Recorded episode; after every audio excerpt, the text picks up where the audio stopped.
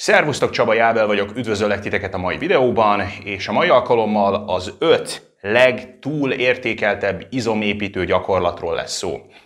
Nem véletlenül nem az a címe a videónak, hogy az öt legrosszabb izomépítő gyakorlat, mert ezek a gyakorlatok, amikről majd szó lesz, ezek nem rosszak, sőt sok esetben egyébként kifejezetten jók, csak nem annyira jók, mint amennyire sokan gondolják. Sok ember szemében ezek a gyakorlatok egy olyan piedesztálon vannak, egy olyan helyet foglalnak el a köztudatban, az edző emberek köztudatában, amit egyszerűen nem érdemelnek meg. Szóval arra gondoltam, hogy, um, hogy a videó hangulatát egy picit oldottabbá tegyük, hogy öt különböző díjat fogunk ezeknek a gyakorlatoknak kiosztani, a listán elfoglalt helyezésüktől függően. Szóval egyfelől ki fogjuk osztani a Freddie Mercury díjat, ami egy picit fura lehet, tehát a túlértékelt, meg a Freddie Mercury az hogy szerepelhet egy mondaton belül, majd mindjárt elmagyarázom. Aztán ki fogjuk osztani a How I Met Your Mother díjat, ugye a How I Met Your Mother az egy sitcom sorozat. Aztán ki fogjuk osztani a Trónok harca 8. évada díjat, majd ki fogjuk osztani a Dumb és Dumber 2 díjat, vagy az Elemi Ösztön 2 díjat, ugye mind a kettő egy film, és aztán ki fogjuk osztani az Űle kisfiam 1-es díjat. Úgyhogy ezzel csapjunk is bele, és kezdjünk listánk ötödik helyezettjével. És listánk ötödik helyén nem más szerepel, mint a klasszikus, jó öreg googolás. Bizony, arra a googolásra gondolok, amire ti is gondoltak, az, amikor a rudat tartod a válladon, meg a hátadon, és leföl googolsz vele. Hát hogy kerülhet föl a googolás egy ilyen listára? Hát nem ez a lábedzés alfája és omegája? Hát nem ettől lesznek nagy combizmaid, meg fenékizmaid? Hát nem végezte ezt a gyakorlatot lényegében minden valamire való testépítő, meg mindenki, aki nagy és erős és izmos lett? Hát a válasz erre az utóbbi kérdésre az, hogy nem, nem csinálta ezt a gyakorlatot mindenki. Másfelől pedig az a válasz, hogy de, én ezzel mind maximálisan egyetértek. A googolás az szerintem is egy szuper jó gyakorlat. És pontosan ezért kapta a Freddie Mercury díjat. Ugyanis mit jelent a Freddie Mercury díj? Hát hogy szerepelhet a Freddie Mercury meg a túlértékeltség koncepciója így egy kontextuson, meg egy videón belül? Na most szerintem az én személyes ízlésem és véleményem szerint Freddie Mercury hangja, legalábbis az a hang, amit a stúdió felvételeken hallhatunk, élő felvételeken már kevésbé, az minden idők, a zenetörténelem legjobb énekhangja. Szerintem ehhez foghatót a világtörténelem nem látott, és szerintem soha nem is fog ezután sem.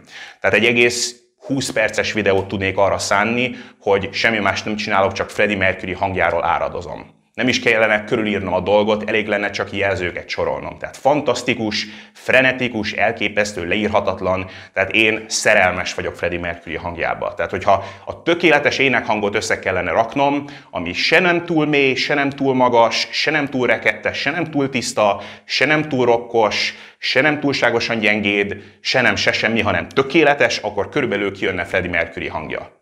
Én így gondolom. Na most, hogyha valaki azt mondaná, hogy ha nem szereted Freddie Mercury-t, és hogyha szerinted nem ő a legjobb énekes valaha, akkor hülye vagy, és ne is hallgass zenét, mert nem értesz hozzá. Ha valaki ezt mondaná, akkor azt kellene mondanom, hogy ember, nincs igazad, ez egy baromság. Mert mi van, hogyha valaki nem szereti a rockzenét, meg nem szereti azokat a típusú dalokat, amiket a Freddy énekelt? Mi van, hogyha valaki egyáltalán nem szereti a férfi hangokat, hanem csak női hangokat szeret hallgatni, és azon belül is mondjuk csak azokat, akik mondjuk jazz zenét énekelnek? Hát akkor számukra Freddie Mercury az nem lesz egy kifejezetten vonzó énekhang. És ez egy abszolút valid álláspont. Szóval Freddie Mercury, bár csodálatos, nem lehet azt objektív módon kijelenteni, hogy ő az alfája és az omegája mindennek. Na most, a googleással körülbelül pontosan így vannak nagyon sokan. Tehát sokak szerint, hogyha nem googolsz, akkor jobb, hogyha nem is edzed a lábaidat, mert soha nem lesznek igazán nagy és izmos combjaid. Konkrétan még viszonylag az edzéshez értő emberektől is hallottam már olyat, hogy persze lehetnek nagy combizmaid még googolás nélkül is, de hogyha a legnagyobb combizmokat akarod, akkor googolnod kell. Tehát anélkül ez egyszerűen nem fog sikerülni. És ez egy eszeveszetten nagy baromság. A googleással az a helyzet, hogy bár valóban egy nagyon szuper gyakorlat, nincsen neki semmilyen szent státusza, ami nélkülözhetetlenné tenné ahhoz, hogy nagy combizmokat építsél. Egyszerűen egy bizonyos mozdulatsorról van szó, bizonyos izmok egy bizonyos mozgástartományon belül be vannak mozgatva, és ezt a googolás nagyon jól tudja. De erre képes még a láptológép is, erre képes a Hexquad gép is, a Smith keretben is meg tudod ugyanezt valósítani. Nincsen semmi olyan dolog a googolásban, amitől ez egy kötelező gyakorlattá válna.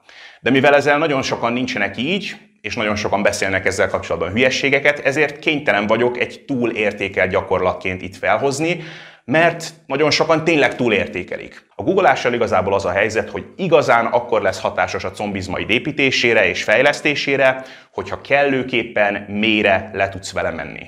Tehát vannak emberek, akiknek tényleg, hogyha megnézed, hogy hogyan googolnak, akkor ahogy az a nagykönyvben meg van írva. Tehát nagyon mélyre mennek, a fenekükkel gyakorlatilag megérintik a bokájukat, a combizmoknak a mozgástartománya az teljesen be van járatva, tehát a térdük, illetve hát a felső és az alsó lábszáruk az egy nagyon kicsi szöget zár be, és ilyen módon a googolás az tényleg egy szuper gyakorlat tud lenni. Ugyanakkor az a helyzet, hogy vannak emberek, akik egyszerűen anatómiailag nem lettek megfelelően összerakva a googoláshoz.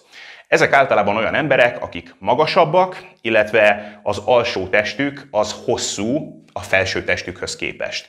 Általában azok az emberek, akik nagyon szépen gyönyörűen googolnak, tehát a felső testük szinte teljesen egyenes, miközben googolnak, nagyon mélyre le tudnak menni, azok egyfelől általában alacsonyabb emberek, és vagy a felső testük az meglehetősen hosszú az alsó testükhöz képest.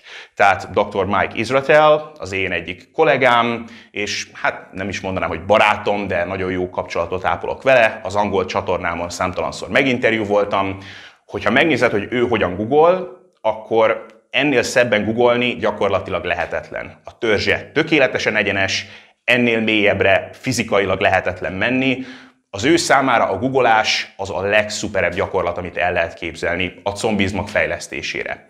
És hogyha megnézed, hogy az ember hogyan lett összerakva, egy testfelépítés, meg anatómia szintjén, akkor látni fogod, hogy ő lényegében a googolásra született mert egy alacsonyabb emberről van szó, tehát 169 centi, vagy talán 170, itt megpróbálok bevágni egy fotót, ahol vele pózolok, és emellett a felső teste az sokkal hosszabb, mint az alsó teste. Megpróbáltam róla előbányászni egy fotót, amin ezt szemléltetni tudom, és még én is meglepődtem, hogy Jézus Mária, ez az ember, ez egy felső testből áll. Gyakorlatilag nincs is neki lába.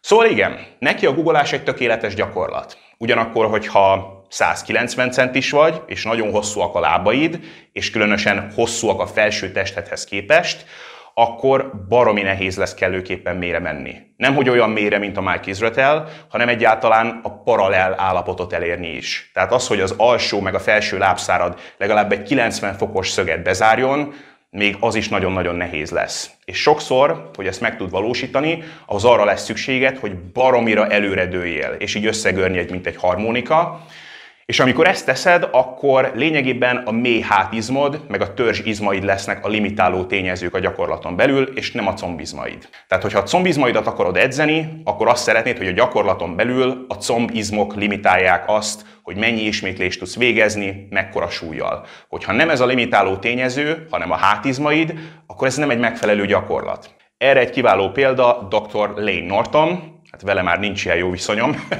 és ő egy közepesen magas, átlagos magasságú ember, azt hiszem, hogy 178-179 centi, ugyanakkor nagyon hosszú lábai vannak. Tehát a magasságához képest nagyon hosszúak a lábai, tehát mondjuk egy 190 centis embernek vannak ilyen hosszú lábai általában, mint neki, és ő amikor Google, akkor iszonyatosan előre kell dőlnie. És egyébként ő egy nagyon sikeres erőemelő, és nagyon nagy súlyokkal tud googolni, mert valószínűleg nagyon erős háta van, és hát megoldja a dolgot. Tehát még így is kellőképpen mélyre tud ahhoz menni, hogy egy erőemelő versenyen az ő technikai kivételezése az elfogadható legyen, Ugyanakkor, hogyha semmi más célja nem lenne, csak a combizmok fejlesztése, akkor az ő számára például a googolás az nem egy megfelelő gyakorlat lenne erre. Neki például egy sokkal jobb opció lenne egy láptológép, egy hexquad gép, vagy a Smith keretnek a megfelelő használata. Persze akkor is, hogyha nem a googolásra vagy így összerakva anatómiailag, akkor is lehet dolgozni a dolgom, tehát például, hogyha megemeled a sarkadat egy ilyen googoló cipőnek a használatával, vagy súlyemelő cipő használatával, az segít a dolgom, de még ilyen módon is, hogyha minden technikai segítséget bevetsz, valószínűleg még akkor sem fog úgy kinézni a googolásod, mint egy olyan embernek, aki egyáltalán semmi ilyen segítségre nem szorítkozik, de anatómiailag a googolásra lett összerakva. Szóval minden esetre a googolás a listánk ötödik helyét foglalja el, és megkapta a Freddie Mercury díjat, és ezzel evezünk is át a negyedik helyezetre. A negyedik helyezet, ami pedig a How I Met Your Mother díj győztese, az nem más, mint a fekvenyomás. És igen, megint csak ugyanarra a fekvenyomásra gondolok, amire ti is, tehát a klasszikus, egyenes padon végzett fekvenyomás. Először is beszéljünk egy picit a díjról, tehát miért kapta pont a How I Met Your Mother díjat. A How I Met Your Mother-rel az a helyzet, hogy szerintem egy abszolút jó kis szitkom sorozatról van szó, és sokáig úgy gondoltam, hogy ez a világ legjobb szitkom sorozata. Azóta megnéztem a Jó Barátok című sorozatot, amit soha nem néztem azelőtt végig, a barátnőm erre rávett, és ekkor meg kellett róla bizonyosodnom, hogy nem, rosszul gondoltam, a Jó Barátok az sokkal jobb, mint a How I Met Your Mother. Legalábbis így gondoltam. És nagyon sok más embertől is kaptam ugyanezt a visszajelzést, hogy te óriási How I Met Your Mother fan voltam, de basszus kulcs, nem tudom, miért nem néztem meg eddig a jó barátokat, azt gondoltam, hogy csak azért, mert régi, attól biztos rosszabb is. Most, hogy végignéztem, hát baszki, ez jobb. Úgyhogy most, amikor nekem valaki azt mondja, hogy How I Met Your Mother az a világ legjobb szitkom sorozata, ennél jobb nem is létezik, akkor az szokott lenni a reakcióm, hogy figyelj, ez egy abszolút vállalható álláspont, nem észszerűtlen, a jó barátokat láttad? Hogyha az a válasz erre, hogy nem, akkor azt szoktam mondani, hogy te nézd meg a jó barátokat, jó? Az elejétől a végéig. Hogyha utána is úgy gondolod, hogy a How I Met Your Mother az jobb, az teljesen oké. Okay. Tehát abszolút elfogadom az álláspontodat, egyáltalán nem egy védhetetlen nézőpont ez sem. De van rá egy tisztességes mennyiségű esély, hogy már nem így fogod gondolni, hogy ha jó barátokat is megnézed. Na most ugyanez a helyzet a fekvenyomással is. Tehát alapvetően egy tök jó kis gyakorlatról van szó. Számos praktikus előnye van, kis súlyokkal lehet fejlődni vele, minden konditeremben megtalálható, alapvetően bemozgatja a mellizmokat abban a mozgástartományban, amiben dolgoztatni akarod őket, de van neki néhány olyan hátránya, ami mellett egyszerűen nem lehet elmenni. Mégpedig az, hogy a fekvenyomást ahhoz, hogy a váll izületeinket védjük, ahhoz úgy kell végezni, hogy összeszorítjuk a lapockáinkat, és a melkasunkat szépen kitoljuk előre. Nem kell annyira eltúlozni ezt, mint egy erőemelő csinálná ezt, de a vállizületeket bizony védeni kell. Tehát ez itt egy ilyen sérülékeny terület, és hogyha csak lefekszel a padra, anélkül, hogy összeszorítanád a lapockáidat, és egy picit homorítanád a hátadnak a felső részét, akkor bizony eléggé sérülésveszélyes gyakorlattá válik a fekvenyomás. Na most, amikor ezt megteszed, akkor lerövidíted a mozgástartományt. Tehát meg lehet egyszerűen oldalról nézni azt, hogy hogy néz ki, amikor valaki fekvenyom, és látni fogod, hogy a mozgástartomány az nem olyan baromi nagy. Na most már volt korábban erről szó ezen a csatornán, hogy az izmoknak van egy ideális mozgástartománya. Tehát a mellizomnak lényegében így néz ki a mozgástartománya, hogy visszaviszed hátra a karodat, addig, ameddig szépen kinyújtózik a mellizmod, aztán pedig előre viszed. Tehát lényegében ez a tárogató mozdulat, amit mondjuk egy tárogató géppel csinálnál a konditeremben, ez a fő funkciója a mellizmoknak. Na most, amikor így lerövidül a mozgástartomány, akkor nincs meg hátul a mellizmoknak ez a szép kinyújtózása. És ilyen módon a fekvenyomás az, bár egy nagyon jó gyakorlat a mellizmok fejlesztésére, nem mondanám, hogy ideális. És ezt nagyon könnyű kiküszöbölni úgy, hogy egy picit megemeled a padot. Tehát egy ilyen enyhe, incline szögben végzed a fekvenyomást. Nem kell nagyon megemelni, én általában egy ilyen 15 fokos emelést szoktam javasolni, ami lényegében minden padon a legkisebb incline fokozat. És hogyha nem lehet ilyen kicsi incline-ra beállítani a padot, akkor valamit a pad alá is lehet tenni, mondjuk egy súlyzó tárcsát, és így is meg lehet oldani a dolgot. Illetve azt is meg kell említeni, hogy vannak még más gyakorlatok is a fekvenyomáson kívül, amik szintén szuperül működnek. Tehát például lehet súlyzóval végezni, ez már eleve megoldja valamelyest a problémát, mert ugye a rúd az nem ütközik a melkasodba, tehát mélyebbre le lehet menni azokkal a súlyzókkal.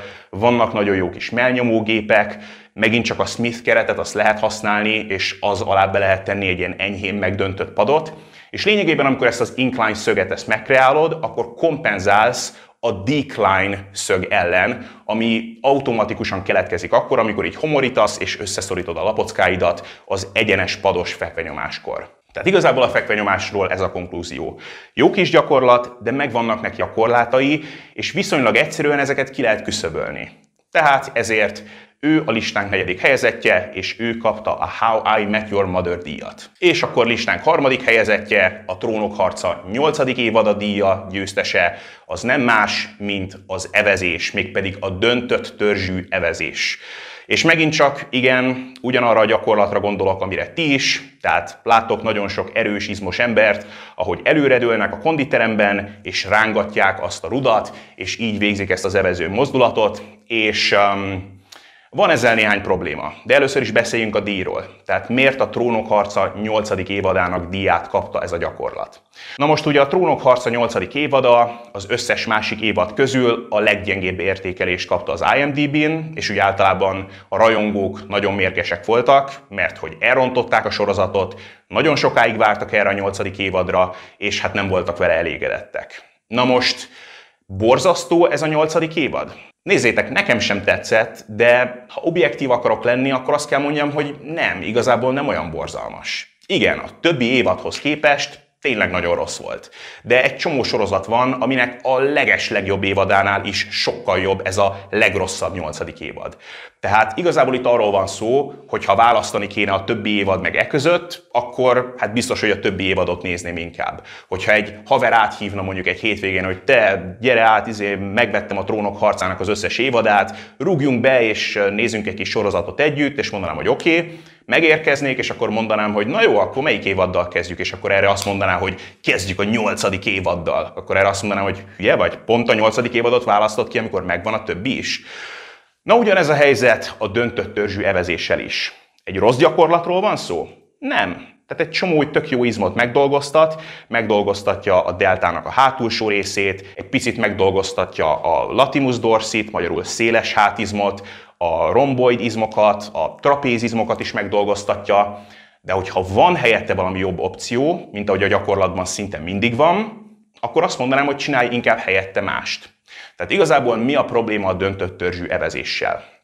Egyfelől, és ez egy általános megállapítás, szerintem nagyon sokan túl sok ilyen horizontális húzó gyakorlatot végeznek, és túl kevés vertikálisat, amilyen például a húzózkodás vagy a lehúzásnak különböző variánsai. Igazából a horizontális húzó gyakorlatok kevés dolgot tudnak ajánlani, amit a vertikális húzó gyakorlatok, mint amilyen a húzózkodás nem tudnak ajánlani. Tehát igazából mind a kettő ugyanazokat az izmokat dolgoztatja meg nagy részben, csak a vertikális húzó gyakorlatok, amilyen a húzózkodás, azok még más izmokat sokkal jobban megdolgoztatnak.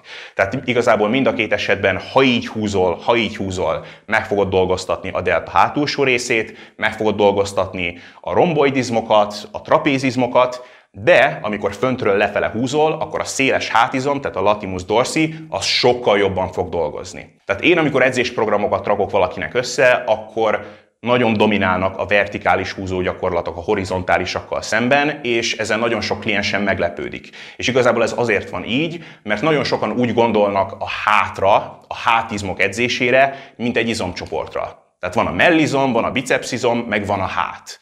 Na most a hát az nem egy izomcsoport, az több izomból áll, ahogy az előbb elmondtam. Tehát delta, trapézizmok, széles hátizom, stb. És hogyha megnézed, hogy ezeket az izmokat hogyan lehet a leghatékonyabban dolgoztatni, akkor igazából látni fogod, hogy a föntről lefelé történő mozdulatsorokkal sokkal jobban meg lehet ezeket dolgoztatni.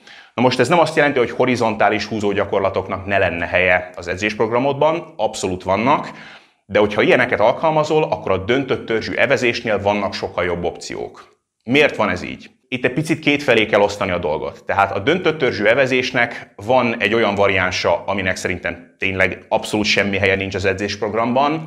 Én erre csak úgy szeretek hivatkozni, hogy a megdugom a rudat evezés. Tehát ez körülbelül úgy néz ki, hogy az ember áll, félig meddig előredőlve, igazából szinte semmi mozgástartománya nincs a mozdulatnak, és csak egy picit előre-hátra rángatózva, a rudat egy picit rángatva, tényleg mintha a rudat próbálnám meghágni. Tehát én nem vagyok ez a típusú ember, de amikor ezt látom egy konditeremben, szívem szerint tényleg legszívesebben oda mennék, és megkérdezném, hogy ember, ennek mi értelme, amit csinálsz. De oké, okay, szóval van ez a variánsa a dolognak, ennek tényleg nincsen helye az edzésprogrammal szerintem. Van ennek egy sokkal jobb variánsa, amikor sokkal jobban előredőlsz, és egy picit magasabbra húzod a rudat, tehát nem csak a hasadhoz, hanem egy picit magasabbra, valahol a melkasod és a hasad közé húzod a rudat, vagy akár egészen föl a melkasodig, ez már sokkal jobb, mert a mozgás tartomány az sokkal nagyobb. Tehát itt az oldas, illetve a hátsó delták sokkal jobban fognak dolgozni, a romboidizmok sokkal jobban fognak dolgozni, ennek már sokkal több helye lehet az edzésprogramodban. Itt igazából az a bajom, hogy azzal, hogy így előre kell dőlnöd, igazából fölöslegesen fárasztod magad azért, mert más izomcsoportoknak is kell dolgozni, amiknek a dolgoztatása igazából nem a célja ennél a gyakorlatnál. Tehát egyfelől egyenesen kell tartanod a hátadat. Ilyen módon a mély hátizmod az fölöslegesen fáradni fog. Másfelől, miközben így előre vagy dőlve, a combhajlítóid is dolgozni fognak, ezek is fárasztani fognak fölöslegesen, és ilyen módon igazából nem tudsz arra koncentrálni, hogy húzzál, minél nagyobb erőbedobással húzzad azt a rudat, és hogy jól megdolgoztasd ezeket az izomcsoportokat, amik elsősorban itt dolgozni akarnak, mert ez a többi izomcsoport lesz fölöslegesen limitáló tényező. Persze erre lehetne mondani, hogy hát, de hát ez a lényege a gyakorlatnak, hát itt a mély is dolgoznak, hát azok tartják egyenesen a hátadat. A válasz erre az, hogy igen, de nem igazán. Tehát tényleg ezt egy ilyen bónuszként is lehetne látni, hogy itt a mély hátizmaid is dolgoznak, mert hogy egyenesen kell, hogy tartsák a hátadat. De az az igazság, hogy ezek az izmok, ezek sokkal nagyobb terhelést is bírnának, mint amit egy ilyen döntött törzsű evezéssel végzel. Tehát, hogyha egy ilyen felhúzó gyakorlatot végzel, egy mondjuk egy ilyen merevlábú felhúzó gyakorlatot, az RDL, Romanian Deadlift, itt nagyon sok ember ilyen 150-200 kilókkal tud dolgozni. Ekkora terhelésnek tudod a mély hátizmaidat alávetni. Na most, hogyha nagyon-nagyon erős vagy egy ilyen döntött törzsű evezésnél, akkor talán evezni fogsz mondjuk 100 kilóval? Tehát igazából meg sem közelíted a mély hátizmodnak a maximális terhelhetőségét ennél a gyakorlatnál, tehát igazából érdemi stimulációt nem fog kapni, igazából csak fölöslegesen fárasztod magad vele, és megint csak ez elvonja a terhelést meg a figyelmet azokról az izmokról, amiket elsősorban dolgoztatni akarnál. Tehát én azt mondanám, hogy ha horizontális húzógyakorlatot akarsz végezni, mert jobban meg akarod dolgoztatni a hátulsó deltáidat, jobban meg akarod dolgoztatni a trapézizmaidat, romboidizmaidat, akkor inkább csinálj egy ilyen melltámaszos evezőgyakorlatot. Tehát erre vannak kiváló gépek, meg lehet ezt oldani úgy is, hogy egy padot megemelsz valahogyan, és akkor arra felfekszel, a rúd vagy a súlyzók azok a pad alatt vannak, és akkor úgy evezel vele, illetve vannak erre különböző izolációs gyakorlatok is, tehát a face nem tudom, hogy ennek mi a magyar megfelelője, archoz húzás, ez lenne a konkrét magyar lefordítás, de valószínűleg nem így kellene hívni ezt magyarul. Kábellel végzed a gyakorlatot, és a kötelet használod, amit a triceps letoló gyakorlatoknál is használsz, és magad felé húzod az egészet, és ezzel nagyon jól lehet dolgoztatni a deltáidnak a hátulsó részét. Lehet ezt más fogással is alkalmazni, és azzal is nagyon jól lehet dolgoztatni ezeket az izmokat. Tehát vannak sokkal jobb alternatívák is, mint a döntött törzsű evezés.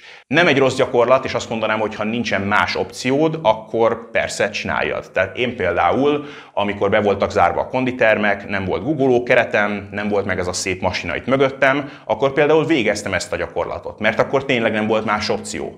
Tehát ugyanúgy, hogy a Trónok harca 8. évadánál is, hogy a semmi más opció nincs, és csak ezt tudod csinálni, akkor oké, okay, persze végezd ezt a gyakorlatot, de hát a gyakorlatban szinte mindig vannak ennél jobb opciók. Úgyhogy ez volt listánk harmadik helyezettje, ugye? És akkor ezzel el is érkeztünk a második helyezethez. A listánk második helyezettje pedig az Elemi Ösztön 2, illetve a Damis Damer 2 díj győztese, az nem más, mint a felhúzás. Ezen belül is a klasszikus, földről történő felhúzás.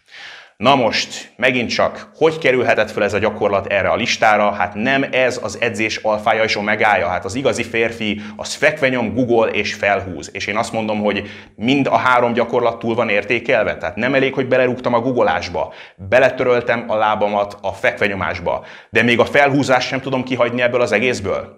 Hát az a helyzet, hogy nem, nem tudom kihagyni az egészből, és olyannyira, hogy az összes közül szerintem messze ez a legrosszabb, és szerintem tényleg nem nagyon van helye igazából egyetlen egy izomépítő programban sem, hogyha vannak helyette jobb alternatívák. És az a helyzet, hogy bizony mindig vannak jobb alternatívák. Hogyha az ember felhúzásokat tud végezni a földről, akkor merevlábas felhúzásokat is tud csinálni. Úgyhogy soha nem lehet gyakorlatilag arról beszélni, hogy ne lennének ennél jobb alternatívák, úgyhogy ezért fel kellett, hogy kerüljön a listánkra ez a gyakorlat, és mindjárt kifejtem, hogy miért, de először is magáról a díjról. Hát az Elemi Ösztön 2, nem tudom, hogy az Elemi Ösztön című filmet látta-e valaki, Sharon Stone-nal, vagy hogy az Dumb és Dumber című végjátékot látta-e valaki. Az Elemi Ösztön eh, oké, okay. a szexjelenetek azok jók voltak benne, én eléggé fiatalon láttam, úgyhogy leginkább csak erre emlékszem egyébként belőle. A Dumb és Dumber című végjáték az az én egyik személyes kedvencem, tehát láttam legalább 20-szor, és mindig szinte behúgyozok rajta, annyira kell röhögnöm, tehát szerintem zseniális volt. Ezeknek a második része, a folytatás, az borzalmas volt. Tehát az olyan volt, hogy így ember, ez, ez miért kellett? Tehát ez, ez nagyon nem lett átgondolva. Tehát az elemi ösztön kettőben lényegében Sharon Stone ugyanúgy eljátsza a pszichopata gyilkos nőt, és ugyanúgy sok benne a szexjelenet, semmi eredetiség nem volt az egészben. A Dumb és Dumber 2 az pedig az első résznek a meggyalázása volt. Tehát tényleg azon kívül, hogy a két színész ugyanaz volt benne, semmi nem volt meg abból az eredetiségből, abból a humorból, szóval ah, nagyon szomorú voltam a dolog végére. És ugyanilyen szomorú vagyok, hát szomorú nem vagyok. De ugyanilyen értetlenkedve nézem azt, amikor valaki klasszikus felhúzásokat végez a konditeremben, és nem erőemelő, hanem az izomépítés a fő célja. Mert mi a probléma a felhúzással, a klasszikus felhúzással? Hát nagyon sok probléma van vele. Az elsődleges dolog az, hogy lényegében a felhúzás az igazából nem dolgoztat kellőképpen meg egyetlen egy izmot sem. Nagyon sok izmot megdolgoztat, ez kétségtelen. És ez az egyik elsődleges érv, amit mindenki felhoz akkor, amikor a felhúzást védeni próbálja. Hogy az azért nagyon jó gyakorlat. Hát megdolgoztatja a combizmokat, a hátizmokat, a combhajlító izmokat. Hát ennél komplexebb, komplettebb gyakorlatot el se lehet képzelni. És ez igaz is, csak az a baj, hogy ezek közül egyik izmot sem dolgoztatja meg optimálisan. Tehát a combizmokat, a combjaidnak az előső részét, amit egy guggolással dolgoztatnál, azokat például tényleg megdolgoztatja. De csak ilyen félig meddig, vagy negyed meddig inkább, mert egy ilyen negyed guggoló mozdulatot végzel. Tehát abszolút nem optimális a combizmoknak a stimulálására, a combhajlítókat megint csak szintén megdolgoztatja, mert van benne egy ilyen kis csípőhinta mozdulat, és ez a csípőhinta, ez a combhajlítók edzésének az egyik alapköve, tehát ez az izomnak az egyik funkciója, hogy így előredőlsz, és aztán kiegyenesedsz, de ezt is csak ilyen félig meddig végzed a felhúzásnál. A méhátizmokat, meg ugye a törzsedet úgy alapvetően valóban terheli a felhúzás, és ebből a szempontból valamennyire még védhető lenne a dolog, de ugyanezeket megdolgoztatja a googolás is, a merevlábas felhúzás szintén dolgoztatja ezeket, csak ezek a gyakorlatok sokkal jobban megdolgoztatnak más izomcsoportokat. Tehát a combizmok stimulálására sokkal jobb egy googolás, vagy egy láptológép, vagy egy hexquad gép. Ezerszer jobb, mint a felhúzás. A combhajlítók dolgoztatására egy merevlábas felhúzás sokkal-sokkal jobb, mint a klasszikus felhúzás. Tehát igazából az angolban van egy ilyen mondás erre, hogy Jack of all trades, master of none. Ami lényegében azt jelenti, hogy valami vagy valaki nagyon sok mindenhez ért, de semmihez nem ért igazán. És lehet, hogy erre van magyar mondás is, csak én vagyok műveletlen. Úgyhogy igazából a felhúzás az semmelyik izmot nem dolgoztatja optimálisan, viszont elképesztően fárasztó, nagyon-nagyon megterhelő, a regenerációs kapacitásodat nagyon-nagyon leszívja, és emellett meglehetősen sérülésveszélyes is, és ezért igazából nem olyan nagyon jó eredményekért. Tehát baromi sokat fizetsz érte a regeneráció szempontjából, és az izomnövekedés szempontjából meg nem kapsz érte olyan sokat.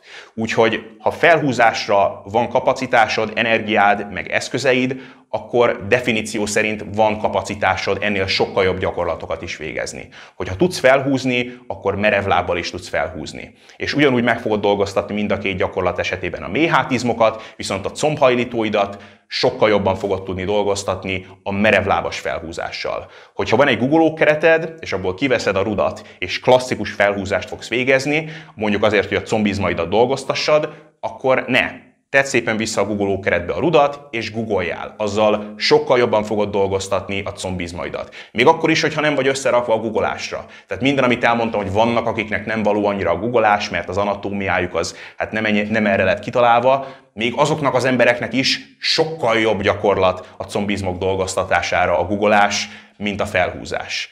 Úgyhogy igen, ezért ez a második helyezettje a listánknak, mert igazából szerintem nagyon-nagyon limitált helye van bármilyen izomépítő programban a felhúzásnak, ha egyáltalán van neki helye, viszont ugyanúgy, ahogy a googolás, elképesztően sokra van értékelve. És a googolás esetében legalább ez védhető, mert ott tényleg egy nagyon-nagyon szuper gyakorlatról van szó, csak ott arról van szó, hogy hát ez nem mindenkinek való. A felhúzás az viszont nem, hogy nagyon-nagyon sokra van értékelve, de nem, hogy arról van szó, hogy nem mindenkinek való, hanem szerintem senkinek nem való, akinek az izomépítés az elsődleges célja.